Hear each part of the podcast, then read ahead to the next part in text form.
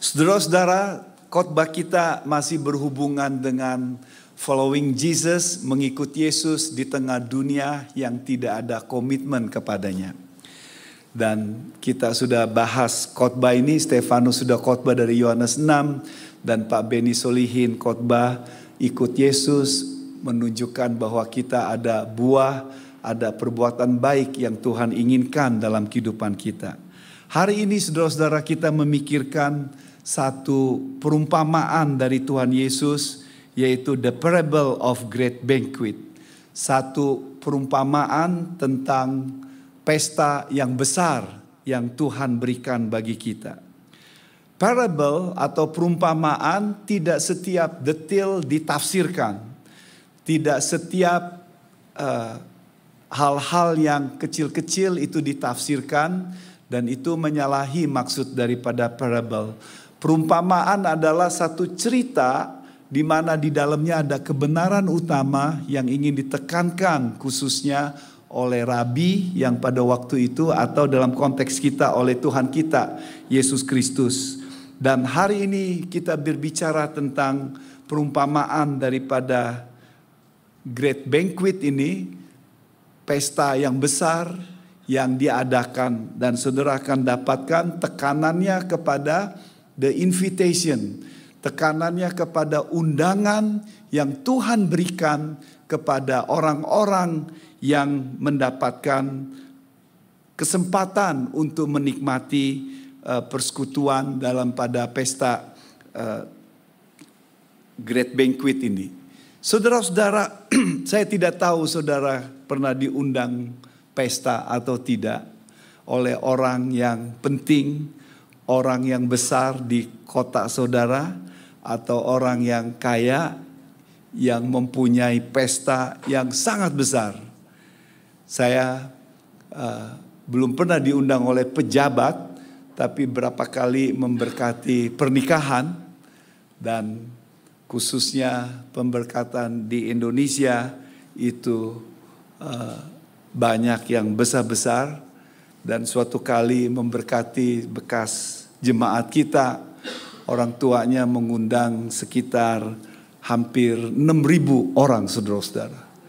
Bintang 5 dan pesta yang begitu besar dan yang begitu mewah dan wow makanannya enak-enak. Saudara-saudara, dalam pesta yang kita ketahui, pesta itu ada joy, ada sukacita, ada kebahagiaan, ada atmosfer yang indah, yang baik. Jadi ketika Tuhan memberikan cerita ini, yang maksud ditekankan oleh Tuhan adalah betapa indahnya ketika ikut sama Yesus, satu atmosfer yang joy, yang penuh dengan sukacita, yang penuh dengan delight, penuh dengan kebahagiaan, dan penuh dengan hidup yang berkelimpahan di dalam dia. Nah, itu yang Tuhan inginkan. Dan hari ini saudara-saudara kita membahas Tuhan menawarkan itu kepada manusia. Tuhan memberikan itu kepada kita dan kita masing-masing berespon menanggapinya. Dan yang menarik adalah bahwa Tuhan menuntut invitation undangan yang diberikan ini dengan respon kita secara pribadi tidak bisa diwakilkan oleh orang tua, tidak bisa diwakilkan oleh istri, oleh suami, oleh anak, tapi pribadi lepas pribadi yang mengambil keputusan untuk datang menikmatinya. Saudara-saudara, ketika membahas topik ini, selalu ingat banquet, great banquet Pesta yang besar yang dikatakan oleh Wahyu pasal 19 ayat 9 sampai 10 di mana pesta anak domba di masa yang akan datang di mana Yesus yang akan bersekutu bersama-sama dengan kita.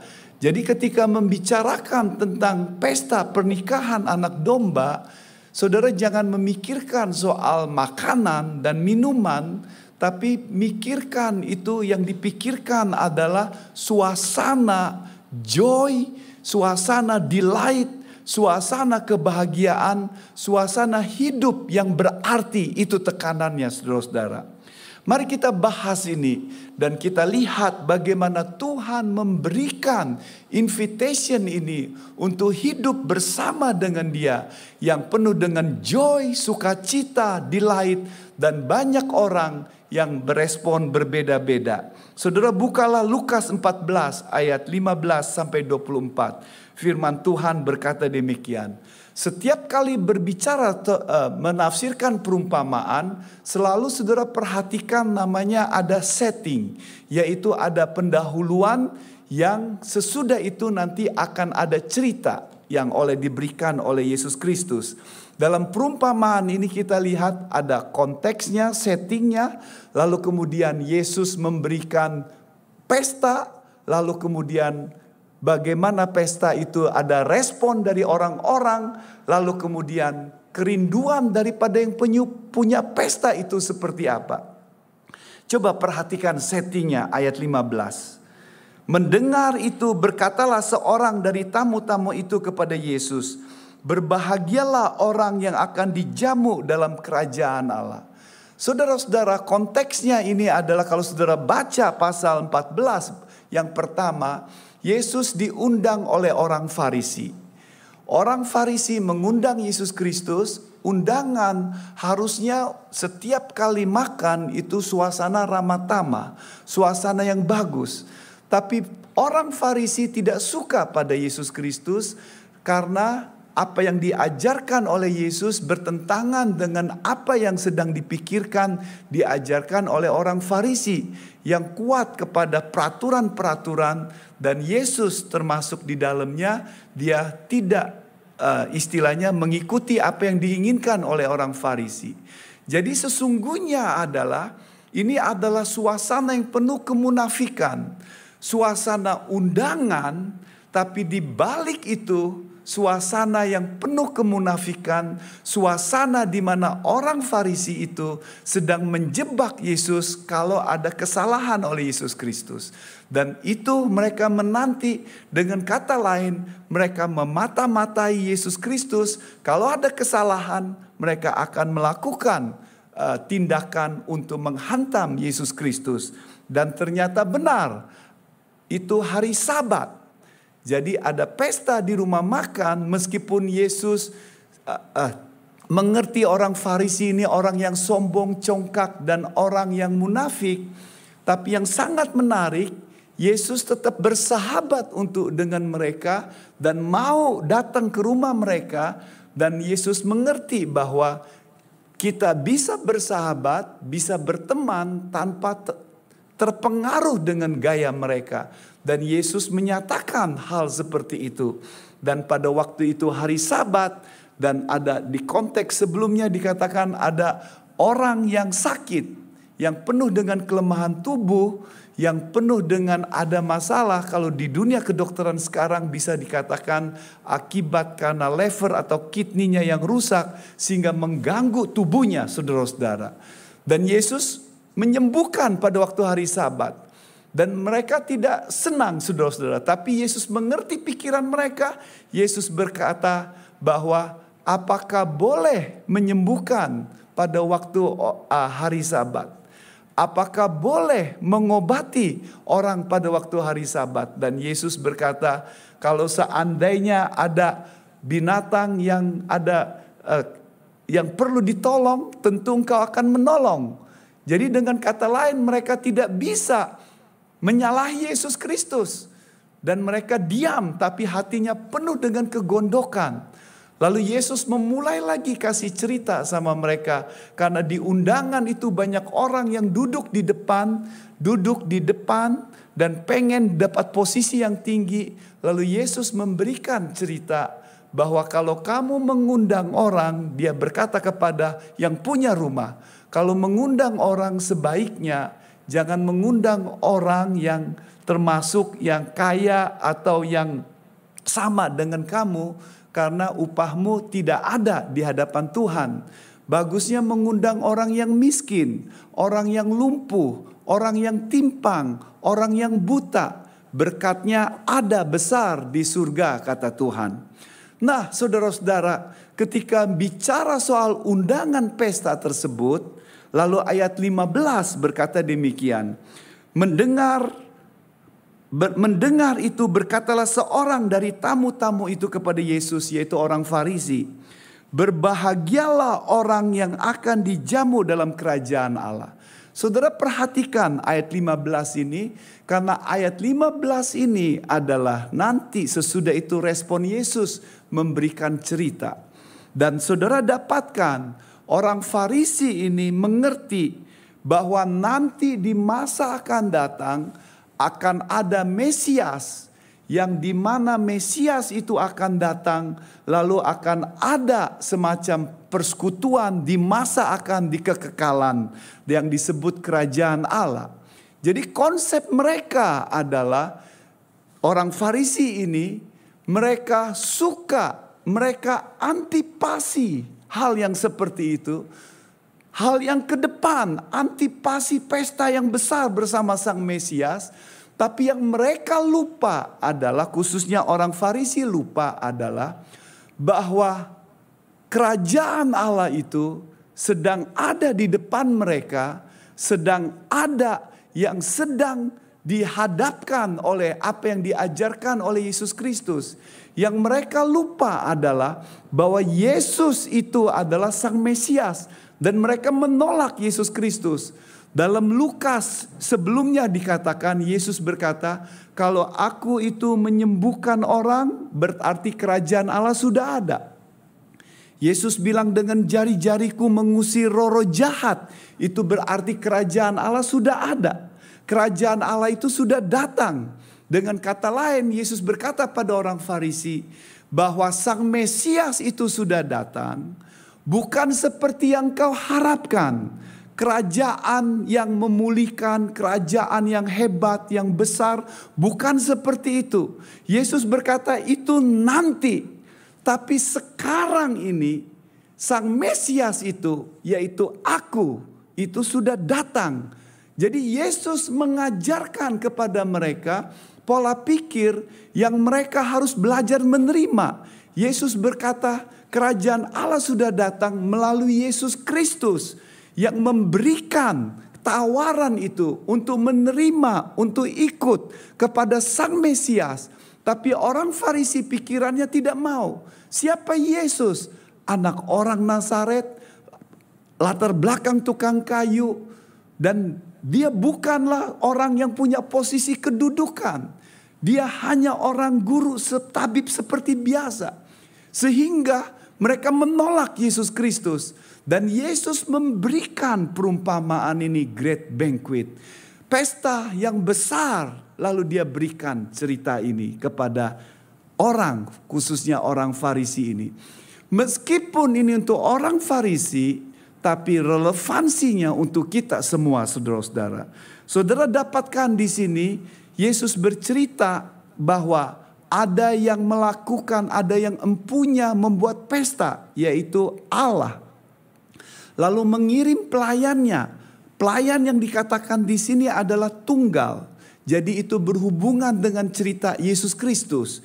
Yesus yang datang, Allah memberikan keselamatan, memberikan hidup yang berkelimpahan, hidup yang penuh joy, hidup yang berarti dalam mengikut Dia, dan Yesus mengirim pelayannya, dan pelayannya itu Yesus Kristus dikatakan dalam nats kita akan diceritakan bahwa Dialah yang akan mengundang setiap orang. Yesus mengundang setiap orang untuk datang kepadanya, termasuk orang-orang Farisi. Saudara perhatikan ayat berikutnya demikian. Tetapi Yesus berkata kepadanya, ada seorang yang mengadakan perjamuan besar dan ia mengundang orang banyak. Menjelang perjamuan itu dimulai, ia menyuruh hambanya mengatakan kepada para undangan, "Marilah, sebab segala sesuatu sudah siap." Saudara perhatikan di sini saudara-saudara. Istilah yang dipakai hamba itu bentuk tunggal dan semua penafsir semua sepakat bahwa ini berhubungan dengan Allah Bapa yang mempunyai pesta. memberi undangan kepada setiap manusia dalam konteksnya kepada orang yang diberikan nats ini cerita kepada orang ditujukan pada orang Farisi yang akhirnya mereka nanti akan menolaknya. Tapi yang jelas adalah dalam nats kita dikatakan pesta yang besar. Nah saudara perhatikan baik-baik. Menjelang perjamuan itu dimulai jadi pesta itu sudah mau. Pesta itu sudah mau dimulai ia menyuruh hambanya mengatakan kepada para undangan, marilah sebab segala sesuatu sudah siap. Saudara perhatikan baik-baik, pesta itu sudah siap, undangan ini seperti pada hari pernikahan, lalu kita diundang dan kita istilahnya sudah diundang, kalau kita nggak berespon berarti setuju.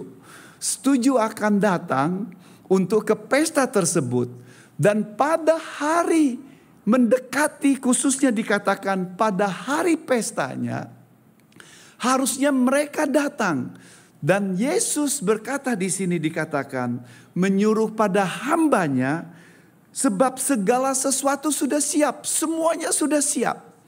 Saudara-saudara, menurut kebiasaan pada waktu tersebut merupakan satu penghinaan kalau kita diundang dan tidak datang pada waktu pada harinya. Kalau kita tidak kasih kabar. Sama seperti saat ini saudara-saudara. Saya rasa saudara tidak happy ketika orang saudara expect dia datang, nggak kasih kabar, jadi expectnya datang.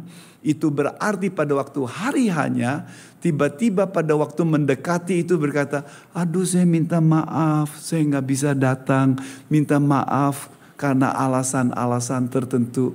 Saya rasa itu merupakan satu hal yang tidak etis, tidak bermolar, dan tidak sopan. Karena mereka udah siapkan makanan semuanya. Dan itu yang dimaksudkan oleh Yesus saat ini.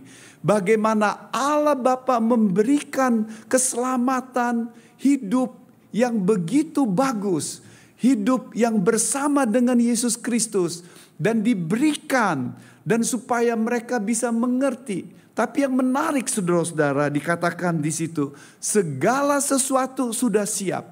Biar saya tekankan dari nats kita. Apa yang kita ditekankan dalam nats ini saudara-saudara, undangan itu dari ayat ke-8 Sampai dengan ayat 24, 11 kali diulang. 11 kali saudara-saudara. Jadi undangan itu invitation, istilah katanya diulang 11 kali. Ayat 8 satu kali, ayat 8 dua kali, ayat 9 sekali, ayat 10 dua kali, ayat 12 dua kali, ayat 13 kali, ayat 16 kali, ayat 17 kali, ayat 24 sekali. Jadi ini 11 kali diulang kata being invited, yaitu diundang. Diundang berarti tekanannya adalah betapa undangan itu diberikan. Mau mengatakan Allah Bapa kita melalui Yesus Kristus yang datang ke dalam dunia ini memberikan undangan itu pada setiap orang. Dan dalam konteksnya dalam cerita ini ditujukan kepada orang Farisi. Dan orang Farisi itu banyak alasan. Mereka karena kesombongan, kecongkakan, dan merasa kebenaran sendirinya sehingga mereka menolak. Tapi Yesus memberikan cerita yang lain. Ada excuse, ada banyak alasan orang menolak. Menolak undangan Yesus Kristus. Saudara-saudara, saudara perhatikan di sini bagaimana tawaran yang Yesus berikan itu ditolak. Ada pesta yang diberikan cuma-cuma tetapi ditolak. Keselamatan yang besar yang diberikan Tuhan dalam mengikuti Tuhan kita Yesus Kristus dan banyak orang menolaknya karena punya prinsip atau filosofi dan value yang berbeda. Seperti apa yang dikatakan cerita Fani tadi. Ada value yang dipegang sehingga merendahkan undangan tersebut yang diberikan. Saudara-saudara ada penolakan untuk datang. Malahan ini pesta yang besar, kenikmatan, suasana yang joy, suasana penuh sukacita, suasana kebahagiaan, suasana hidup berkelimpahan. Tapi untuk datang dengan cuma-cuma, orang masih juga menolaknya. Yes, penolakan itu memang manusia cenderung untuk excuse. Sejak Adam dan Hawa, manusia itu gampang excuse. Adam dan Hawa excuse Adam excuse karena ketika ditanya bukan karena saya. Karena sang perempuan. Sang perempuan ketika dikasih tahu kamu makan buah ini perempuan ini bukan karena saya. Karena si ular ini. Saudara-saudara excuse itu memang akar daripada permasalahan yang Yesus tawarkan kepada kita. Sejak dunia awal diciptakan Adam dan Hawa, manusia cenderung untuk excuse, memberikan penolakan-penolakan, memberikan hal-hal alasan-alasan tertentu untuk berkata tidak kepada pemberian yang begitu luar biasa sekali saudara-saudara. Coba perhatikan apa penolakan yang diberikan. Yang pertama bicara soal possession bicara soal pemilikan, bicara soal harta, kekayaan yang kadang-kadang menolak apa yang Tuhan berikan. Mereka berpikir bahwa kaya itu akan membuat mereka jauh dan tidak bisa ikut sama Tuhan. Perhatikan ayat ke-18. Firman Tuhan berkata demikian. Tetapi mereka bersama-sama meminta maaf. Yang pertama berkata kepadanya, Aku telah membeli ladang dan aku harus pergi melihatnya. Aku minta dimaafkan. Saudara perhatikan nats kita. Mereka minta maaf karena itu tidak sopan, karena itu tidak baik, karena tidak bermoral. Harusnya mereka kasih kabar, tapi mereka membiarkan dan masa bodoh merendahkan dan tidak mau kasih kabar. Lalu kemudian mereka menganggap enteng tawaran yang begitu pesta yang luar biasa. Dan mereka harus minta maaf. Aku telah membeli ladang, aku harus pergi melihatnya, aku minta dimaafkan. Saudara perhatikan di sini. Ini berbicara soal aku telah membeli ladang, berbicara soal possession, pemilikan, apa yang dipunyai. Alasan yang dibuat ini sebenarnya alasan juga disebut alasan yang sedikit kebodohan saudara-saudara. Alasan yang dibuat-buat. Apakah saudara akan membeli ladang tanpa harus melihat lebih dahulu? Saudara tidak mau. Saudara akan melihat ladang memperhatikan barang tersebut baru dibeli. Jadi yang Yesus katakan di sini kadang-kadang manusia memberikan alasan dibuat-buat, alasan yang tidak masuk akal, alasan yang merupakan kebodohan yang tidak bisa dipikirkan dengan bagus. Orang ini karena kekayaannya berkata, "Aku telah membeli ladang, Aku harus pergi melihatnya. Harusnya dilihat dulu, diamati, diperhatikan, baru dia membeli. Dan tapi Yesus ingin memberitahu bahwa manusia itu cenderung untuk memberi alasan. Cenderung untuk memberikan banyak hal. Tidak mau apa yang ditawarkan oleh Tuhan yang luar biasa sekali. Alasannya tidak salah saudara-saudara. Kalau saudara perhatikan alasan yang tiga orang berikan ini semuanya tidak salah. Dan itu ada benarnya. Tetapi tidak tepat waktunya. Prioritasnya dipersalahkan. Dan mereka memilih sesuatu value yang harusnya sudah dipikirkan lebih dahulu oleh mereka. Barang position itu adalah hal yang tidak salah. Tetapi ketika saudara punya filosofi yang salah, punya meng, akan menghancurkan. Barang posisi itu akan menjerat saudara.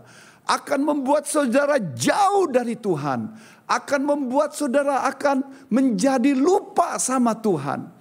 sedangkan itu berkat dari Tuhan, tapi bisa menghancurkan.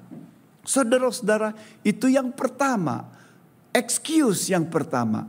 Excuse yang kedua adalah bicara soal karir. Ayat 19. Yang lain berkata, Aku telah membeli lima pasang lembu kebiri dan aku harus pergi mencobanya. Aku minta dimaafkan. Saudara-saudara, yang kedua ini berbicara soal aku telah membeli lima pasang lembu kebiri berarti ada sepuluh. Berarti ini orang yang sedang membangun karirnya, yang sedang ingin memulai bisnisnya. Aku harus pergi mencobanya. Aku minta dimaafkan. Dan Yesus juga memberikan satu alasan yang tidak masuk akal. Aku harus pergi mencobanya. Harusnya barang dibeli dulu baru dicoba. Dilihat, diperhatikan kira-kira kebiri ini, lembu ini, sepasang ini laki dan perempuan sehat atau tidak, dicoba kuat atau tidak, baru dibeli. Tapi nats kita, Yesus sedang memberikan satu tekanan saudara-saudara. Tekanan bahwa sama hal yang pertama, yang kedua, kadang-kadang alasan yang diberikan itu dibuat-buat. Aku harus pergi mencobanya. Aku minta dimaafkan. Karir. Saudara-saudara, Tuhan ingin supaya karir saudara juga bisa berhasil. Tuhan ingin saudara bergiat dalam studi saudara, bergiat dalam pekerjaan saudara, supaya saudara excellent, baik, melakukan dengan sebaik-baiknya. Saudara tidak mau sebagai anak Tuhan atau sebagai orang yang bekerja itu tidak membangun karirnya asal-asalan, malas-malasan dan Tuhan tidak ingin seperti itu. Setiap potensi kita Tuhan ingin supaya kita mengerjakan dengan sebaik-baiknya dan memberikan yang terbaik untuk Tuhan. Apa yang kita bisa ketika saudara belajar, belajarlah persiapkan dengan baik-baik ketika mengerjakan proyek, mengerjakan paper, mengerjakan tesis, mengerjakan apa saja, dipersiapkan dengan sebaik-baiknya apa yang kita bisa semampu-mampu kita yang kita bisa lakukan. Kalau saudara bekerja, membangun karir, membangunlah kerja dengan sebaik-baiknya. Ketika membangun bisnis, lakukanlah dengan sebaik-baiknya. Jadi Tuhan tidak ingin kita melakukan hal-hal yang tidak benar, saudara-saudara. Tapi ini alasan yang dibuat-buat. Alasan karena tidak tepat pada waktunya pesta sudah dimulai, lalu kemudian harusnya mereka datang ditawarkan, tetapi mereka masa bodoh, merendahkan, dan tidak memperhatikan secara serius. Dengan kata lain, bukan masalah karir, tapi masalah mereka tidak memperhatikan secara serius apa yang harus diutamakan, apa yang harus diperhatikan dalam khususnya dalam kehidupan mereka.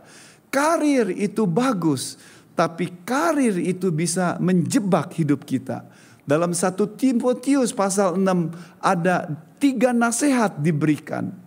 Nasihat pertama untuk orang yang miskin, orang yang berkekurangan, supaya kalau dia puas, puaslah dengan apa yang ada.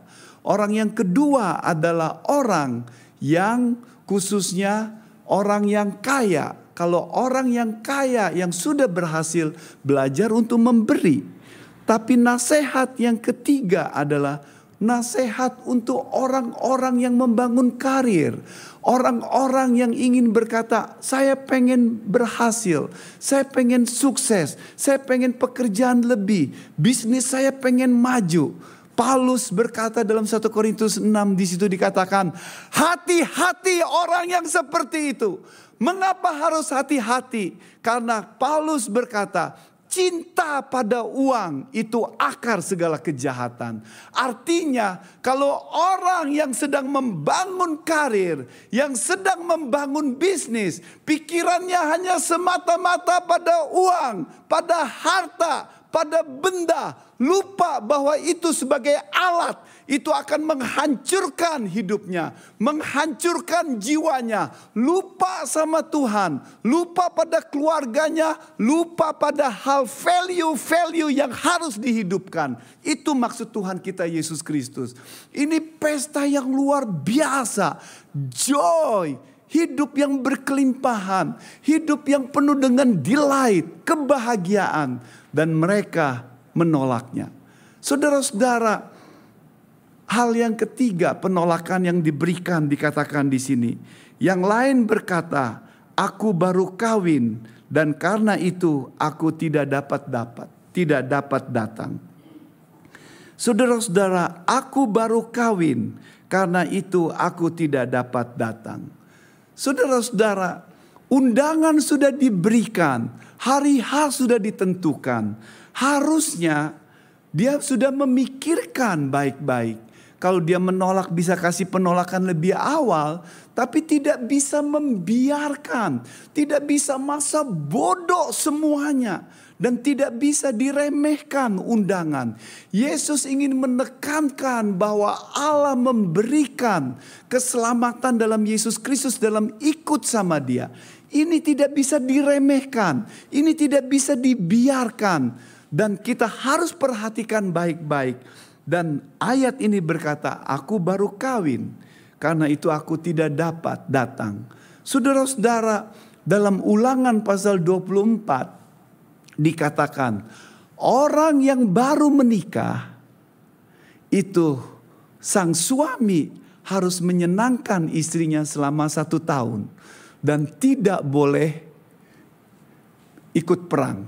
Kenapa tidak boleh ikut perang? Karena sesudah itu akan mati saudara-saudara kalau perang kan. Jadi setahun dia tenang-tenang membahagiakan pasangannya. Saudara yang baru menikah kutiplah ayat Ulangan 24 ayat 5 atau 6 ini kasih ketahu majikan saudara. Dia oh, saya minta maaf karena firman Tuhan bilang saya harus cuti setahun untuk menyenangkan istri saya.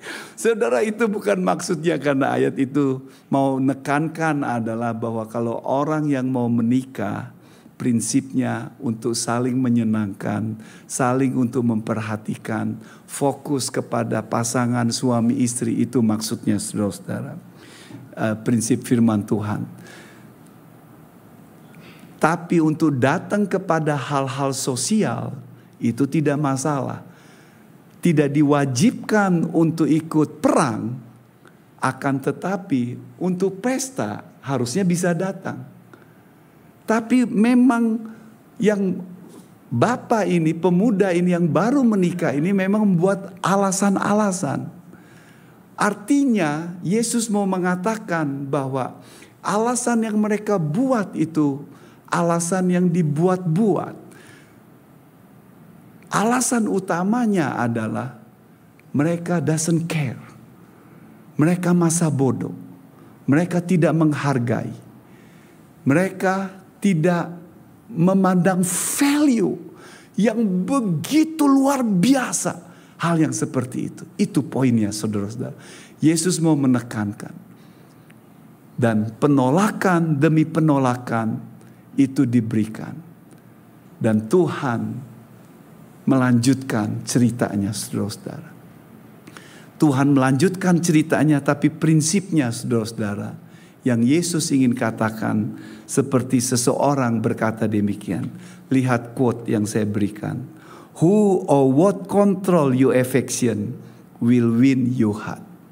Prinsipnya adalah siapa atau apa yang mengontrol your affection. Hatimu itulah yang mengontrol hidup kita. Apa yang menjadi yang menguasai affection kita. Kerinduan kita. Apa yang kita pikirkan dan itu yang menguasai. Dan itulah yang akan menang dalam hatimu.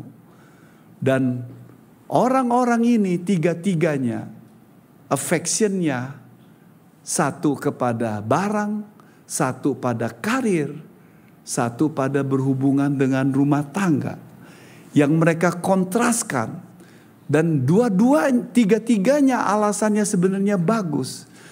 Tapi waktu dan value yang tidak tepat yang mereka lakukan. Tapi prinsipnya Yesus ingin mengatakan, mereka tidak menghargai sama sekali masa bodoh dan cuek. Bukankah itu alasan yang manusia berikan saat ini? Dan mungkin alasan itu tidak jauh dari kita. Ketika kita masa bodoh dan cuek, atau masih mau mencoba-coba kenikmatan yang lain yang ada di luar Yesus Kristus, mau coba-coba dan menjauh daripada tawaran yang mulia.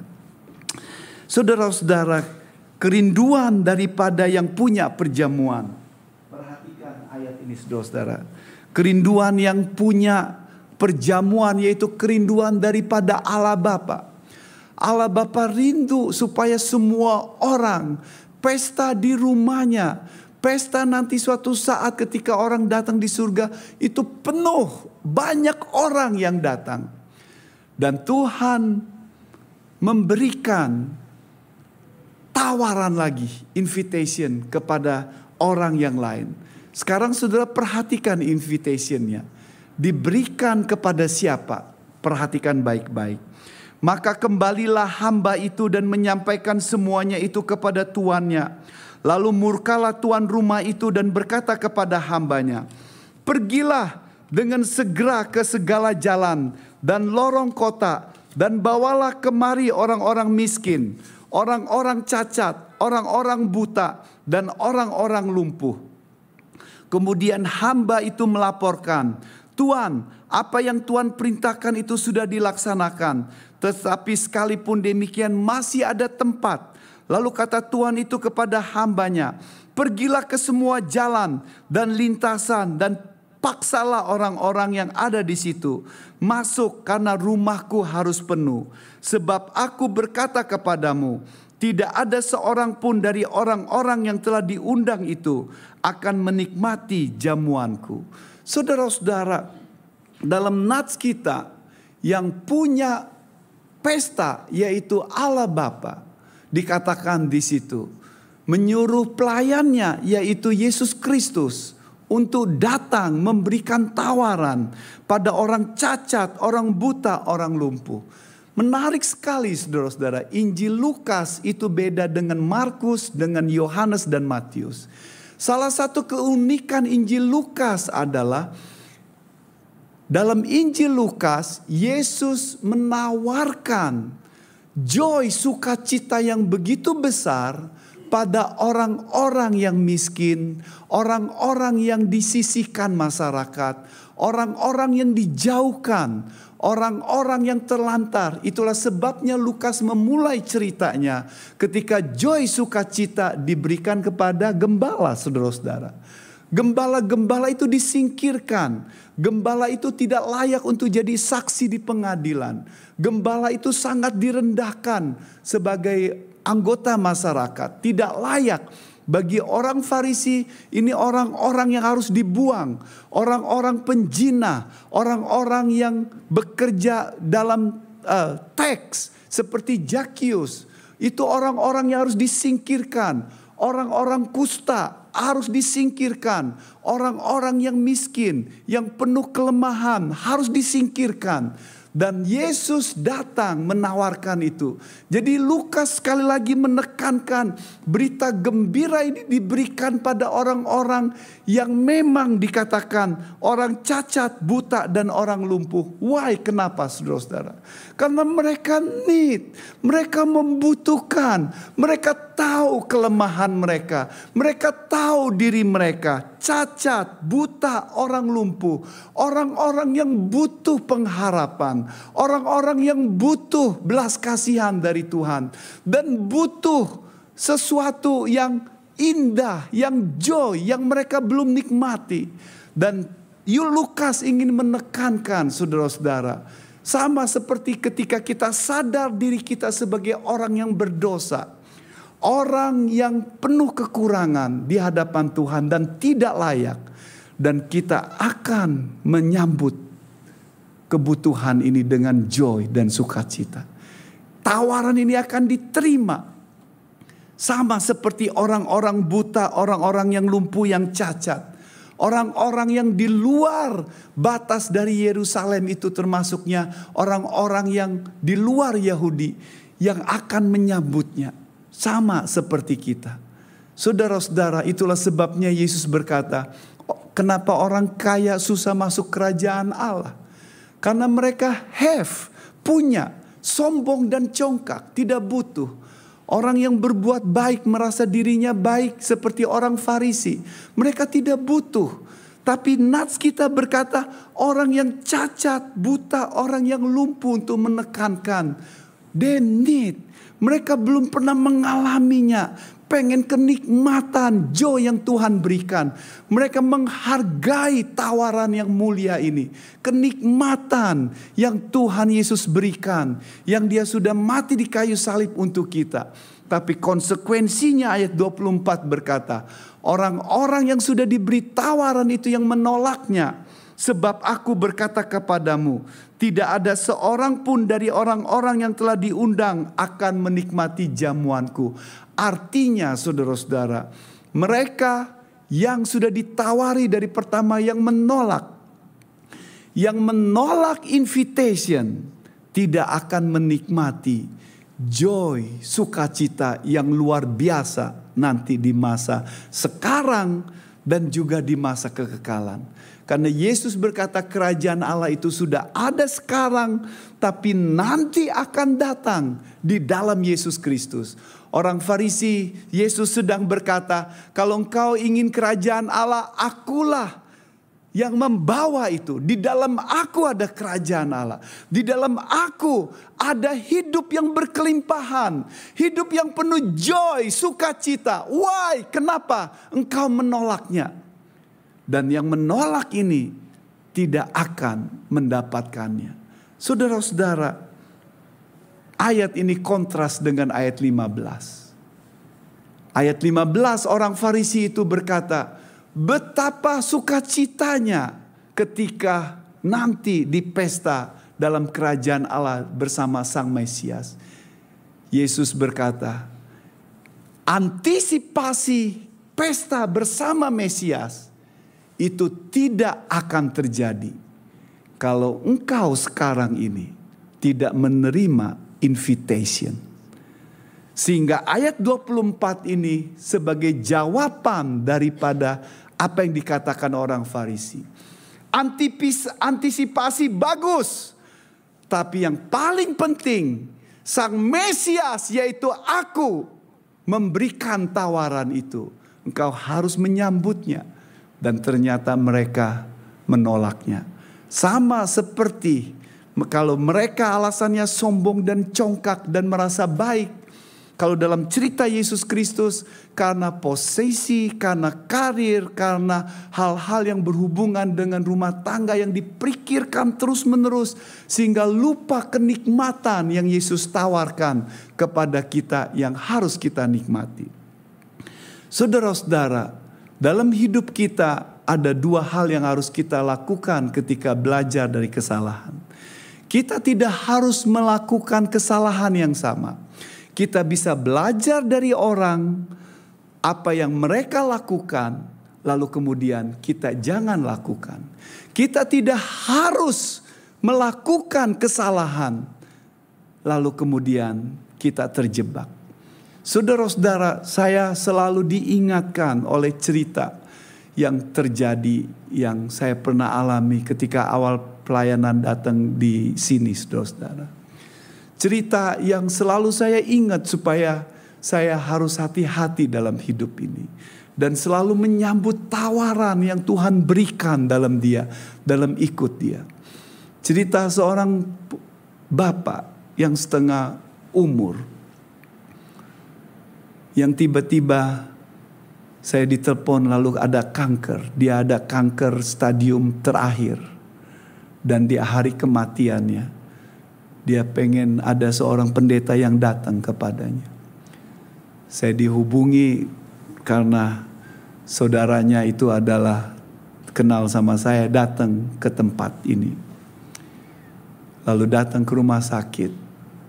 Bapak yang setengah umur, stadion uh, stadium stadium terakhir dari kanker paru-paru.